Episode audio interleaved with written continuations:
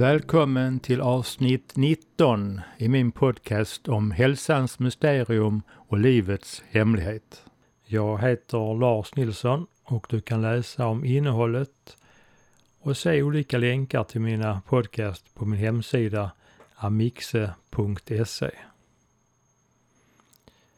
I detta avsnittet ska jag tala om uppmärksamhet och lite tankar om meditation. Det talas mycket om att man ska hitta sig själv. Men hur kan man hitta sig själv om man inte vet vem man är?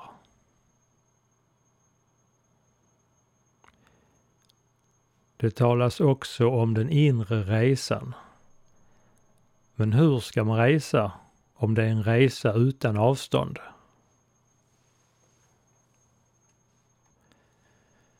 Ett öga kan inte se på sig själv. Lika lite som solen inte kan lysa på sig själv. Så hur ska jag då kunna upptäcka vem jag är?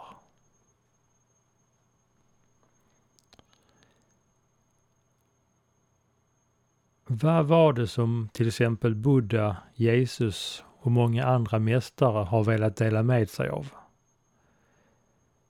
Varför har olika mästare velat lära ut yoga, meditation, mindfulness, kontemplation och andra andliga övningar? Vad är det som man egentligen är ute efter?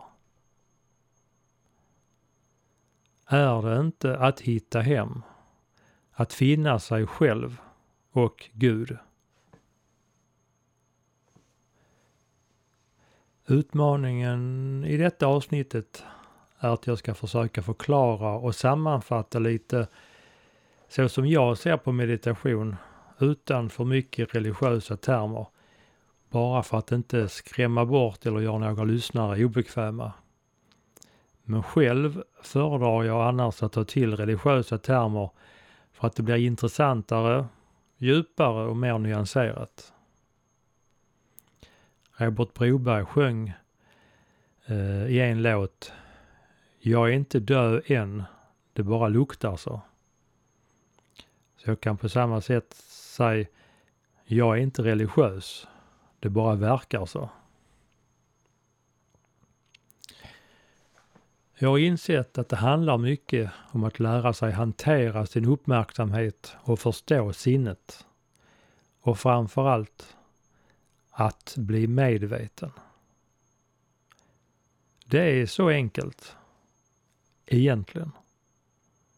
Resten löser sig själv. Vi behöver egentligen inte lära oss någon speciell teknik eller att tänka på något speciellt sätt med intellektet. Det handlar egentligen bara om att vara.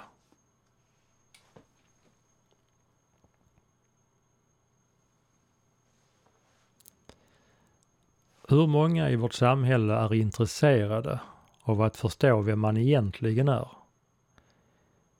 Det ligger inte i vår nuvarande västerländska kultur att ställa sig frågan Vem är jag?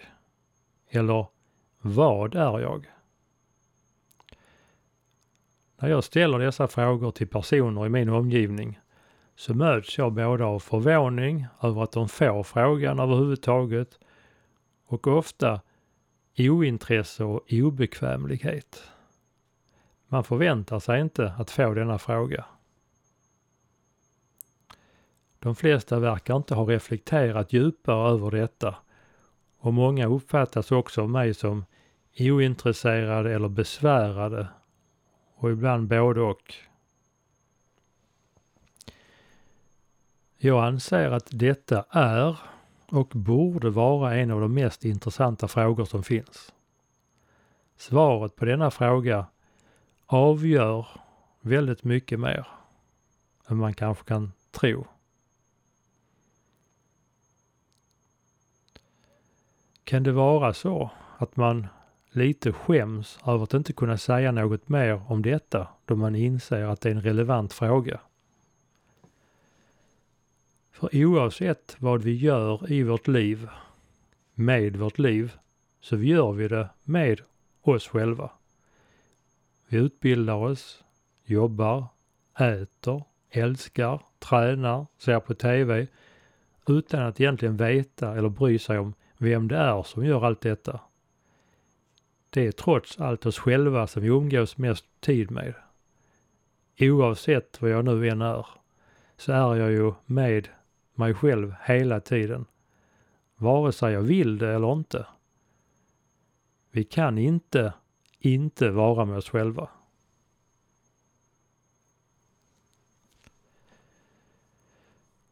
Vi har ju ingen tradition att kunna gå djupare i detta.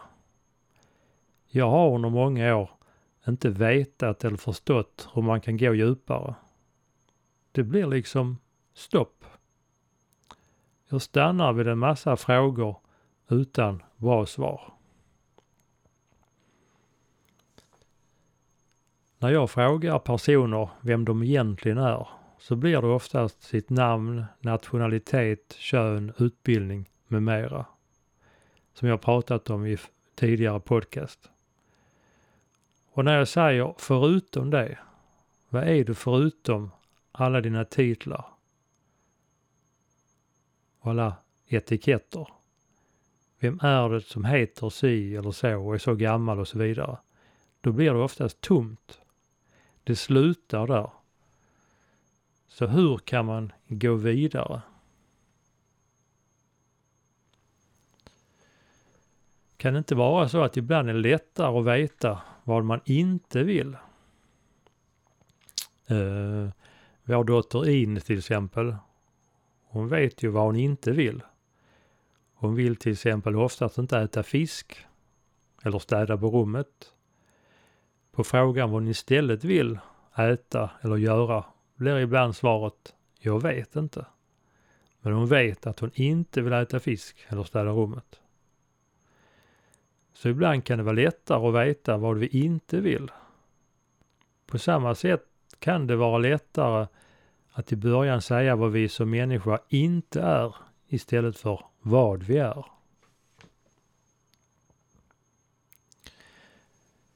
På tal om detta vad vi inte är så kan jag också repetera, men jag hörde ju Deepak Chopra i en intervju säga för mer än 20 år sedan att vi är inte våra tankar. Vi är inte våra känslor och vi är inte vår kropp. Och det var ju i podcast avsnitt 16 om mysteriet människa som jag tog upp lite om detta. Hur kan det komma sig att vi inte vet vem vi är? Och hur kan vi ta reda på mer om vem vi egentligen är? Vi måste först övervinna både ointresse och rädsla för denna fråga och bli intresserad av detta och närma sig detta med nyfikenhet, öppenhet och ödmjukhet. Så hur kan man egentligen inte vara intresserad av vem vi är? Jag har varit på olika meditationskurser och läst flera böcker om meditation. Framförallt då på 90-talet när jag blev intresserad av detta. Och det är viktigt att säga att det är stor skillnad mellan meditation och meditation. Det både lärs ut på olika sätt och innehåller olika metoder eller tekniker eller sätt att utöva det på. Det finns inte en meditationsteknik. På samma sätt som det inte finns en sport. Så till er som lyssnar och som har en dålig erfarenhet av att prövat på meditation, ge det en chans till. Det tog mig själv några år innan jag själv egentligen fick något bra kläm på det. Och så ska det ju inte behöva vara med en bra pedagogik från början. Och i vår kultur inom kristendomen har man och är på sina håll fortfarande kritisk till meditation.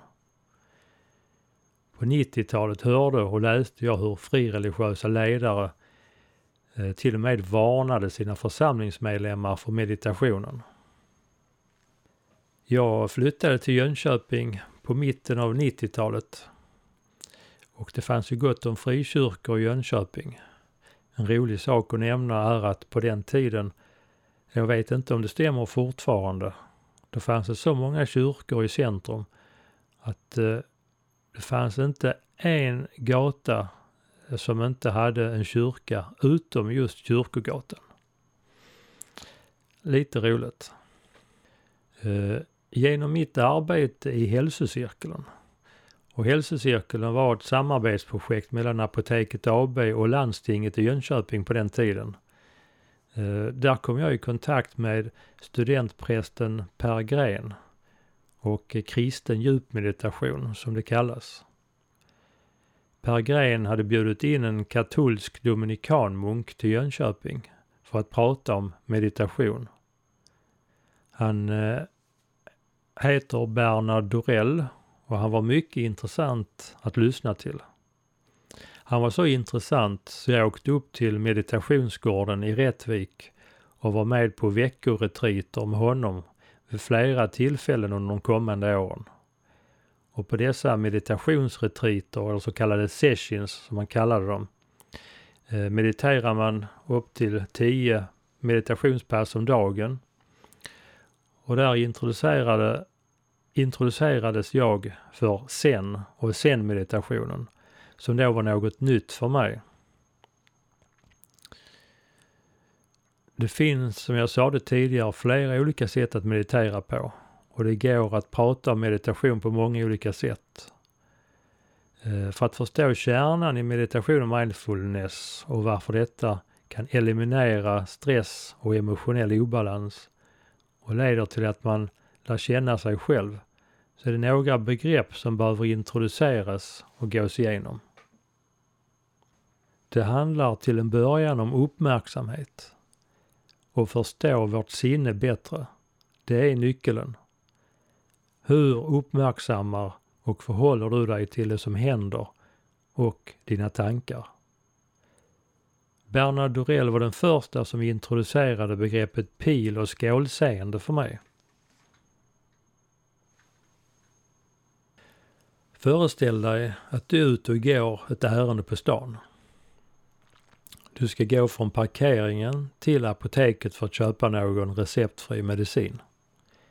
Avståndet är några hundra meter och tar några minuter. På vägen från parkeringen till apoteket går du och funderar på om det är något mer som du behöver köpa nu när du ändå ska gå dit. Hmm, är det dags att byta tandborste? Den har jag inte bytt på flera månader. Så det är nog dags. Hur är det med duscholjan? Börjar inte den ta slut? Har vi någon oöppnad hemma? Och tandtråd, behöver jag köpa tandtråd? Hmm, och så vidare och så vidare. Ja, jag får passa på att göra lite reklam för att det finns mer att köpa på apoteket än receptbelagd och receptfri medicin eller läkemedel. Så tankarna snurrar där på vägen till apoteket. Du går i dina tankar. Du är inte fullt närvarande om din omgivning. Du är upptagen i dina tankar med det som tänks.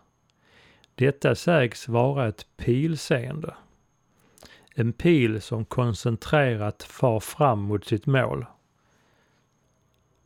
Så ju mer pilseende man har och ju mer koncentrerad man är, desto mer av allt runt omkring försvinner ut i periferin. Det kan liknas med att när man ska ta närbilder med en systemkamera. Det du sätter fokus på kommer att bli fokuserat och tydligt medan omgivningen runt omkring blir otydlig och diffus. Alternativet till pilseende, det är skålseende. Tänk dig istället en skålformad parabolantenn som öppet och nyfiket fångar upp alla signaler från omgivningen. Så när du går från punkt A till punkt B mot ditt mål, hur öppen är du under vägen för omgivningen på vägen dit?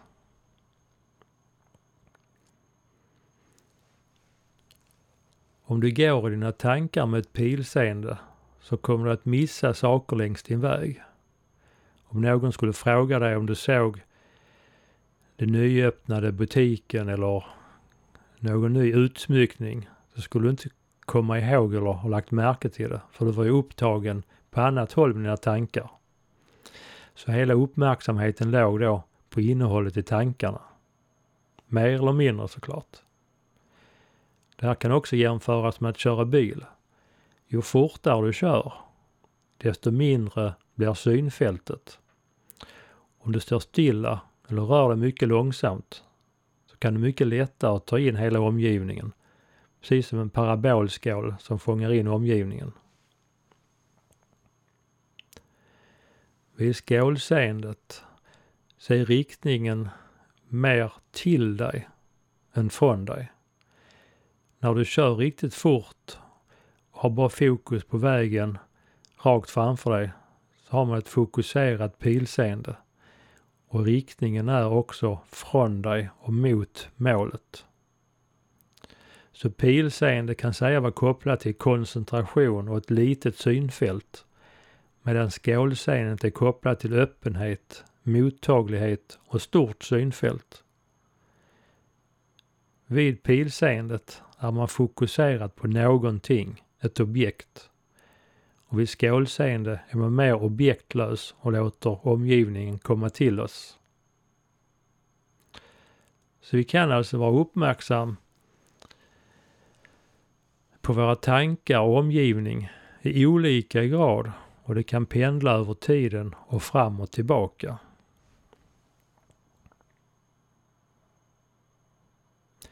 Ja, vad kan man lära av detta? Detta kan ju kopplas både till livet och meditationen.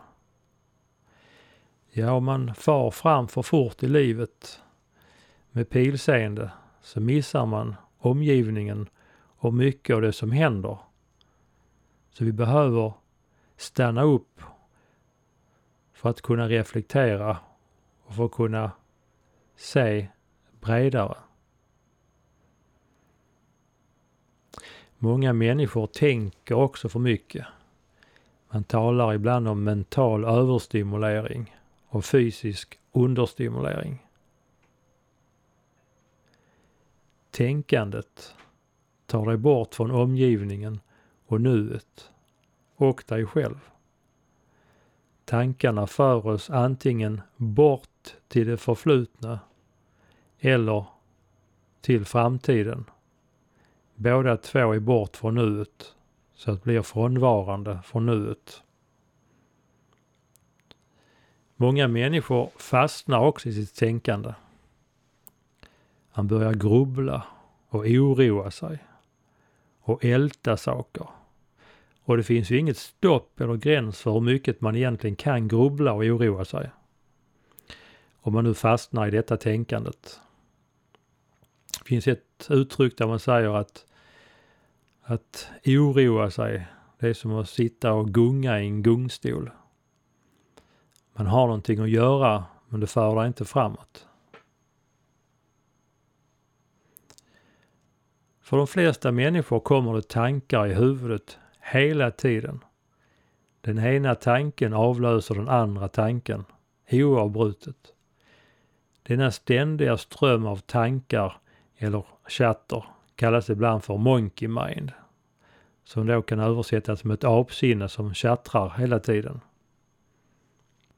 Och enligt mitt synsätt eh, som jag är inne på så är det egentligen inte korrekt att säga att det kommer tankar i huvudet.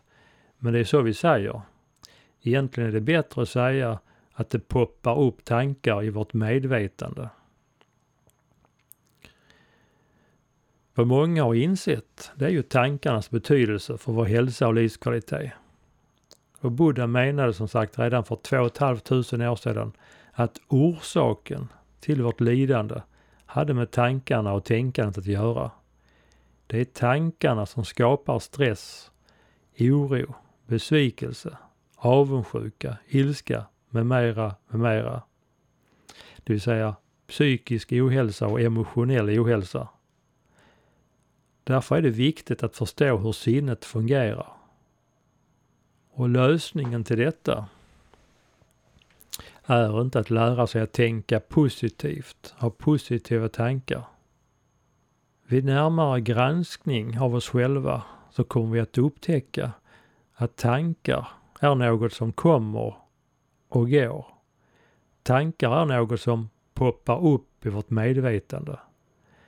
En av de centrala och mycket viktiga nycklarna är att inse att vi faktiskt kan iaktta tankar som poppar upp. Och om vi kan observera och som ett vittne iaktta tankarna som poppar upp så betyder det att vi kan koppla bort oss från dem också. Och det här kallas då att bli detached. Mer om detta senare i detta avsnitt. Och då tar vi bort kraften så att tankarna inte påverkar oss. Så att kunna observera tankarna utan att fångas av dem, det är ett av de första stora stegen till mänsklig utveckling. Och för det verkar vara detta som alla mästare har upptäckt. Att tankarna som poppar upp är inte jag. De flesta människor har gett all sin uppmärksamhet åt det som de uppmärksammar i sitt sinne. Och då menar jag med sinne både tankar, känslor, eh, alla sinnesupplevelser och allt vi upplever.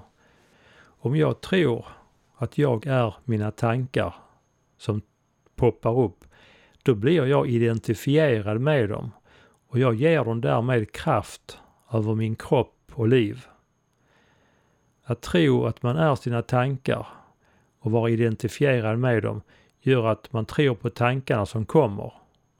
Detta skapar ett falskt jag, ett ego. Och det är just detta som behöver inses och brytas. Att i början få in en kil som skapar ett mellanrum mellan jag och tankarna. Att till en början separera jag, den jag nu är, vad det nu än är, från mina tankar. Och den här processen att man sitter och observerar sina tankar som poppar upp i sitt medvetande kallas också för att man odlar vittnet. Man övar sig att kunna vara öppen, transparent, närvarande och medveten. När man kan observera sina tankar som ett vittne så kallas det för olika namn som till exempel att man blir fri. En fri människa som inte är slav under sitt sinne. Därmed så blir ju sinnet istället ett verktyg, en tjänare istället för en herre. Det finns som sagt olika sätt att meditera. Det vanligaste sättet som många känner till och som jag själv började med i början, det är mantrameditation. Där man har ett ord som man fokuserar på och upprepar. Och de två vanligaste jag har stött på, det är ordet om och soham. Men det finns även andra sätt att meditera där man är uppmärksam på ett annat objekt. Som till exempel en bild, en ljuslåga, en kroppsdel, kan vara andningen eller ett citat eller en vers eller en ramsa.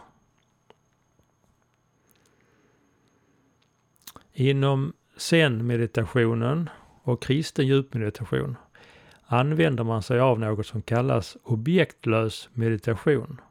Det vill säga man ska inte lägga uppmärksamheten på något objekt, alltså inget pilseende, utan mer vara öppen som en skål och närvarande och medveten.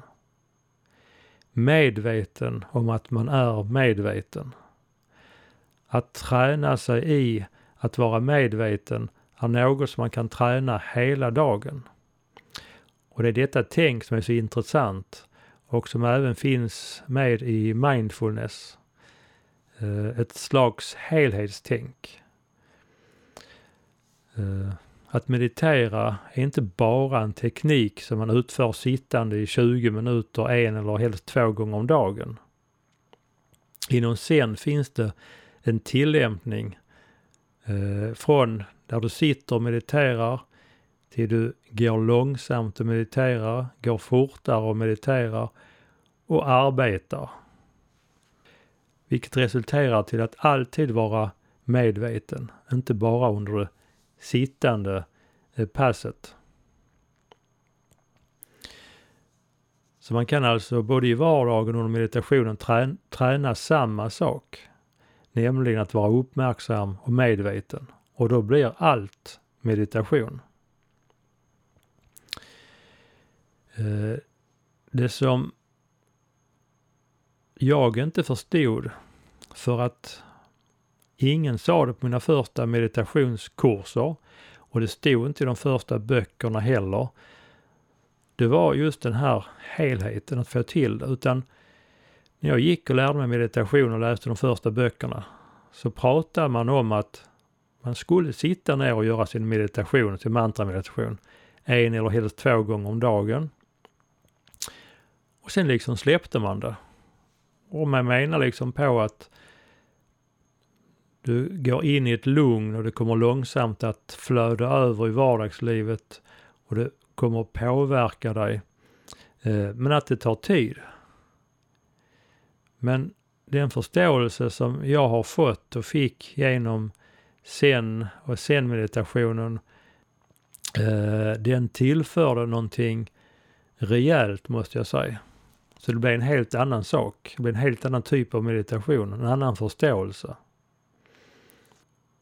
Om man är uppmärksam på vad man gör, till exempel medveten om att man diskar eller går, då blir det ju en form av objektmedvetenhet.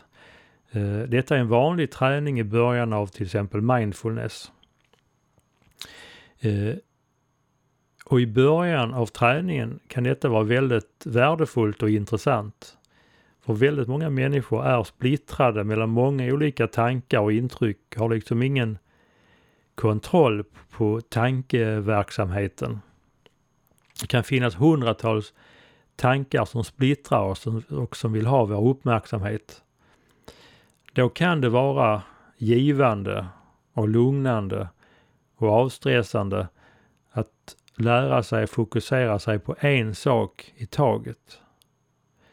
Och just inom mindfulness betonar man att man ska göra en sak i taget. Den första boken jag läste på 90-talet inom mindfulness hette The Miracle of Mindfulness av Thich Nhat Hanh. Eh, översatt till svenska alltså Miraklet med Mindfulness. Han beskriver i denna boken just att när man står och diskar ska man bara vara uppmärksam på att man står och diskar. Eh, för det är lätt när man står och diskar att man står och tänker på vad du ska göra efter du har diskat. Du kanske står och tänker på vilken god fika du ska göra eller vad du ska göra senare på kvällen eller står och planerar dagen innan eller dagen efter. Och på ett sätt kan man säga att det, det är inget fel att göra det för att, att diska är ju en enkel aktivitet som man inte behöver ha någon uppmärksamhet på. Det går ju av sig själv med automatik. Och för att då inte uppleva någon tristess i detta så är det väldigt många som då åker vidare i tanken och, och försöker vara effektiv och utnyttja tiden genom att man sitter och gör, planerar en massa andra saker. Men tanken är just i mindfulness att en sak i taget. Så står man och diskar så ska man inte tänka på vad man ska göra efter disken, för då är det ju i framtiden i tankarna. Utan du ska vara i nuet. Så du ska uppleva känslan av att handen rör sig eh, på tallriken när du diskar, om du diskar för hand. Eh, och känslan av vattnet och vara fullt upp i vad du gör. Utan, tänka, utan tankar, utan mer som en närvaro. Eh, så detta kan vara en tuff träning för många i början läste också någon författare som hade undersökt att de flesta människor de hoppar mellan olika tankinnehåll cirka 10 gånger i minuten. Så betyder att när du står där och gör något enkelt som att steka köttbullar i stekpannan så kan man skifta helt uppmärksamhet tio gånger på en minut. Och det är klart att det här kan skapa en slags mental trötthet. Och det värsta är att vi tycks ju inte alltid vara medvetna om det här heller. Att vi är fångna i en ström av, av tankar och vi kan liksom inte ta oss ur den. Och det är den här medvetenheten om att det är så här som jag pratar om nu och att ta sig ur det. Att bli fri.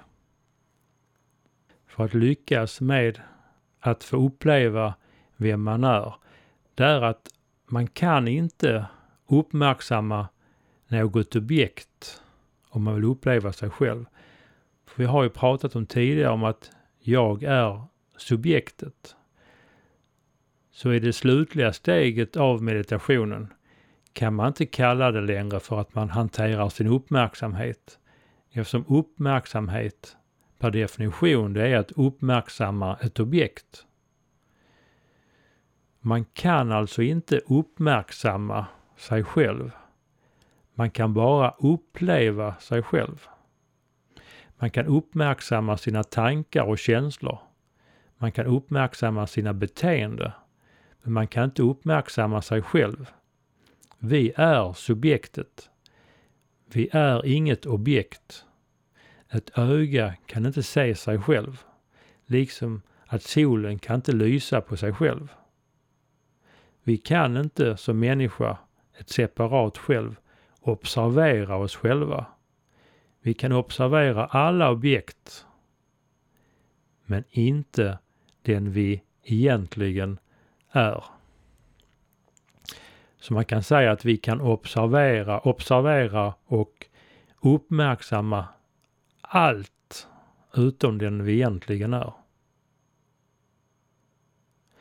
Så vad vi kan göra är att sluta observera objekt, vilket då kan kallas för objektlös meditation, då vi istället för att uppmärksamma något blir upplevande av oss själva. Meditation kan därför verka vara en teknik eller ett görande i början, men efterhand blir det mer och mer ett varande så man kan säga att meditera är ingenting som man ska göra utan någonting som man är. Att meditera är att vara sig själv. Två andra centrala begrepp som jag vill ta upp är attachment och detachment. Detachment översätts som att vara avskild medan attachment är motsatsen, alltså inte avskild. Som jag nämnt tidigare i detta avsnittet så är det attachment, alltså frånvaron av avskildhet från sinnet som orsakar det mänskliga lidandet. Tänk dig att du sitter och tittar på en avstängd tv-skärm. Nu kommer jag använda mig av en av Rupert Spiras modeller. Vad ser du då? Jo, en svart och tom skärm. Föreställ dig att vi sätter på tvn och börjar titta på en bra film. En stund senare har vi helt, glöm, har vi helt blivit fångade av handlingen i filmen. Vi glömmer skärmen och vi glömmer oss själva och omgivningen för en stund medan vi är helt uppslukade av handlingen i filmen. Vi är alltså helt inne i filmen. Om det är en spännande film så kan vi bli oroliga och rädda. Är det en sorgsen film kan man bli ledsen och komma tårar. Vi har helt glömt bort att det inte är på riktigt. Vi sitter tryggt i en soffa och tittar på rörliga bilder på en platt tv-skärm. Men vi tror för en stund att det är på riktigt. På samma sätt försvinner vi människor in i våra tankar, känslor och upplevelser även när vi inte ser på film. Vi har förlorat oss i våra tankar, känslor och upplevelser. Vi har gjort det hela tiden och så länge så det känns naturligt. Man säger att vi har blivit identifierade med våra sinnen. Vi tror att vi är våra tankar och upplevelser. Vi förlorar oss själva i våra tankar, känslor och upplevelser precis som när vi tittade på TV. Och genom denna identifiering uppstår vårt falska jag, egot. Så det första och stora steget för att kunna upptäcka vem vi egentligen är och mysteriet människan och livets hemlighet är att göra den här avidentifieringen. Och hur avidentifierar man sig? Det vill säga hur slutar man att tro att man är sina tankar, känslor och upplevelser? Ett sätt att göra det på är att man undersöker sig själv närmare genom processen som kallas 90-90, alltså inte det. Man undersöker vad man inte är. Ehm, och det var detta jag pratade mycket om i avsnittet om mysteriet människan. Och det första steget där, det är att i den praktiska tillämpningen och träningen, det är att träna sig i att bevittna sina tankar. Och den, egentligen kan man då säga att den här träningen behöver man egentligen inte meditera för och sitta med korslagda ben eller sitta avskilt. Men det underlättar. Så det finns vissa som säger att man behöver inte meditation som teknik och övning. Nej, det stämmer. En del behöver inte det. Men för de som är splittrade, har väldigt mycket som åker runt i huvudet i monkey mind. För dem kan det vara ett, ett nödvändigt och kanske lämpligt sätt att börja träna sin uppmärksamhet. Att man avskärmar sig i början lite grann, eh, sitter på en lugn plats eh, och börjar med att fokusera på en sak. Och sen släpper man den saken också. Men som sagt, den här träningen går att tillämpa överallt när man fått kläm på den. Det blir lättare om man gör det lite i avskildhet först. Men när man har fått kläm på detta så är det som man säger, man mediterar hela tiden. Ja, man tränar sig i detta att vara närvarande hela tiden. Oavsett om man eh, cyklar, kör bil, lagar mat, är på jobbet och så vidare. Om jag ska lite kort eh, sammanfatta lite av det jag pratade om i tidigare avsnitt. Den vanligaste uppfattningen om oss själva det är att man tror att den jag är, det är jag och min kropp, tankar och känslor som upplever omgivningen. Eh, att det är alltså jaget är tankar, känslor och min kropp. Och detta är väldigt enkelt att tro. Det är så här när man tittar på saker i sin omgivning. Eftersom det är lätt att säga att det är inte jag utan det är någonting annat bortom mig. Men när vi börjar titta närmare på detta och börjar med att titta på vår kropp så ser man att på samma sätt som jag upplever eller objekten i min omgivning som en himmel eller en växt eller ett bord. Så på samma sätt kan jag uppmärksamma min kropp och mina kroppsdelar. Och jag är ju subjektet, vittnet till det här. Och sen kan man då gå vidare och uppleva och uppmärksamma tankarna och känslorna också. Och stimuli från alla sina sinnen. Och vad man än lägger uppmärksamheten på så blir jag ju vittnet. Och när man inser då att jag är ju det som iakttar tankarna och känslorna, då går det lite grann från att vara jag, tanke, känsla, kropp som iakttar subjekt eller objekt i min omgivning, så blir det istället jag, vad det nu än är, subjektet eller medvetandet som iakttar omgivning och tankar, känslor och kropp. Men det är det här steget som är det viktiga.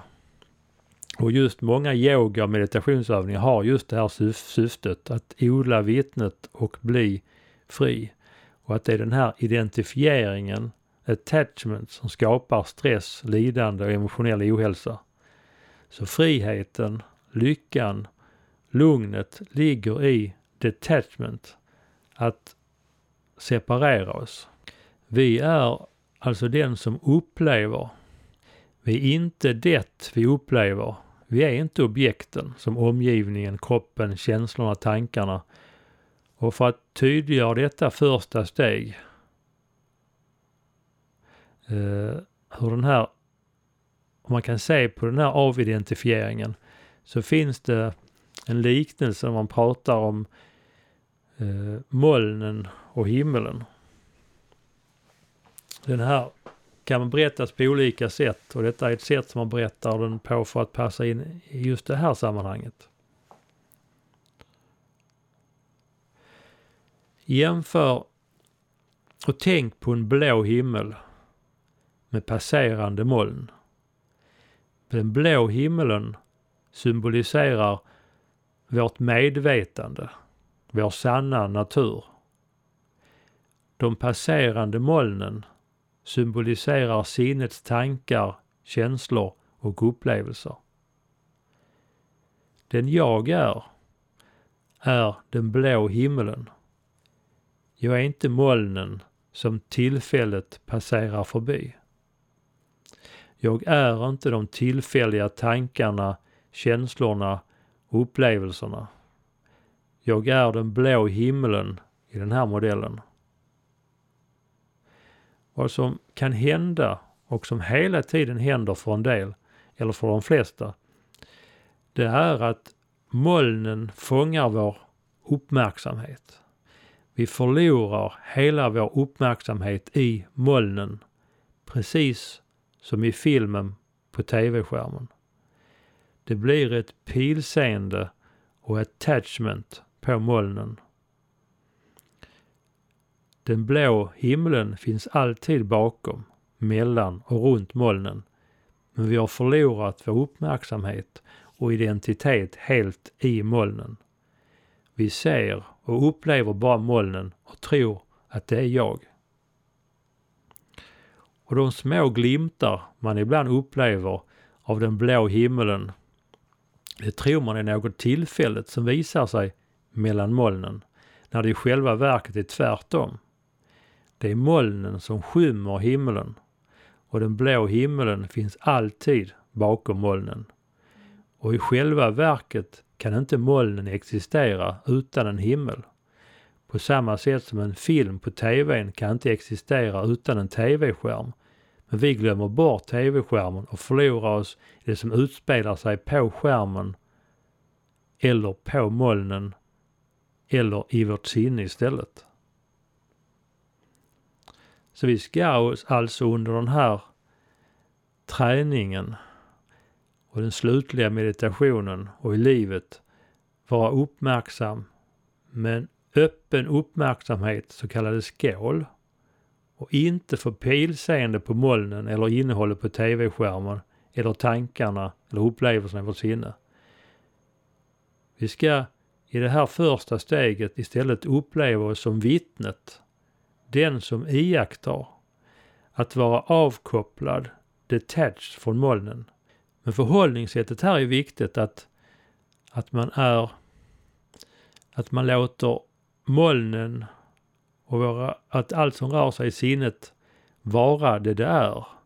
Att vi inte lägger in några värderingar eller känsla av att vilja ta bort dem eller ogilla dem eh, utan bara låta det vara som det är. Att vara tillåtande eh, och välkomnande. Och i den här objektlösa uppmärksamheten släppa taget om dem. På samma sätt kan vi uppmärksamma vårt sinne och våra tankar. När vi inte ger sinnet hela vår uppmärksamhet så kommer antalet tankar att avta mer och mer. Vi kan då avidentifiera oss med vårt sinne eftersom vi inte är vårt sinne. Vi är ett separat medvetande som kan uppleva världen genom vårt sinne. Sinnet är ett instrument eller verktyg som vi kan och ska använda oss av. Vi är inte verktyget. Vi är det som använder verktyget. Jag vill inte röra till det nu men jag vill ändå nämna så här i slutet på det här avsnittet att i det sista steget då inser man också att egentligen är vi även det som skapar verktyget. Och på så sätt är vi egentligen allt. Både verktyget och den som använder verktyget och upplevelsen. Vi är allting.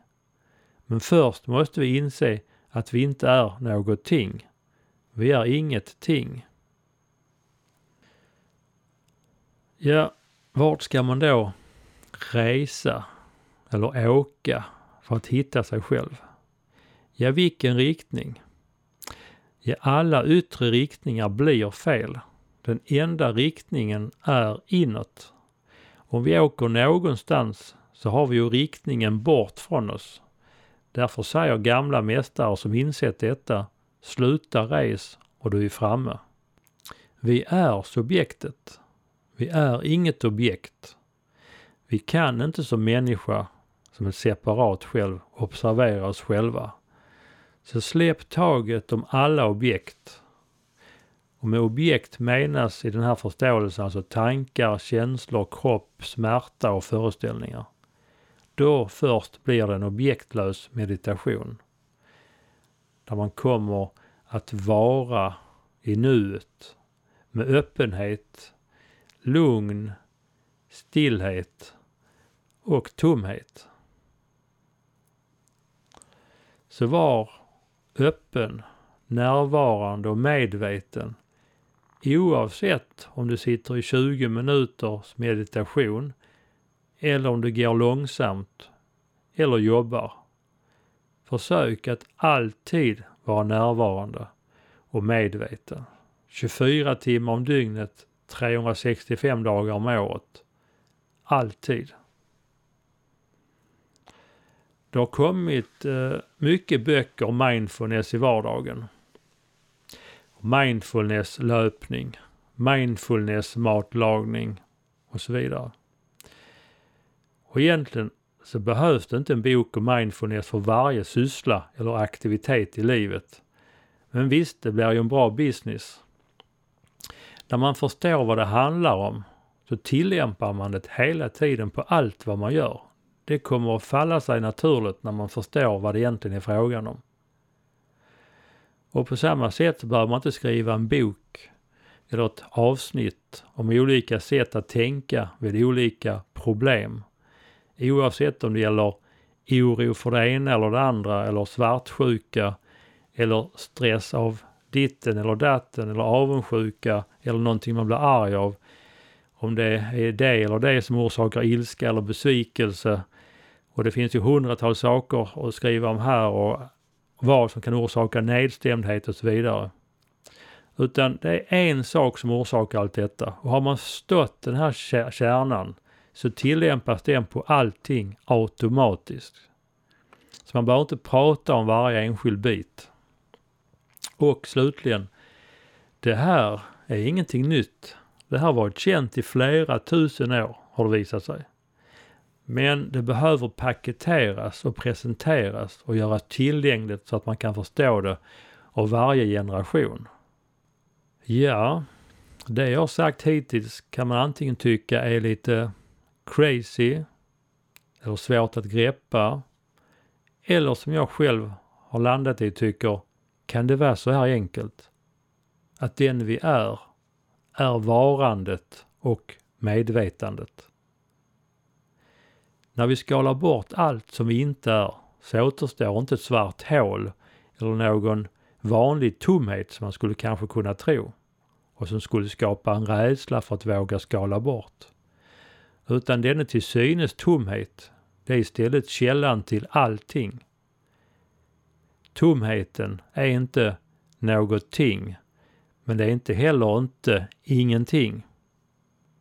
Varje tanke och lösning föds ur tomheten.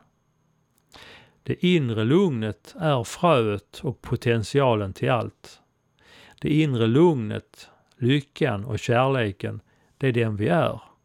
Det är inget som vi skapar. Det är inget som kan försvinna.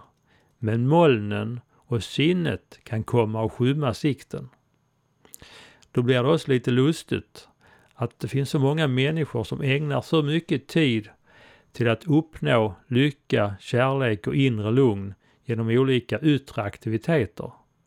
Man försöker uppnå lycka och kärlek i det yttre när det hela tiden finns i det inre, eftersom det är det vi är. Man försöker uppnå detta genom andra personer. Man tror att en annan person ska ge dig kärlek i livet.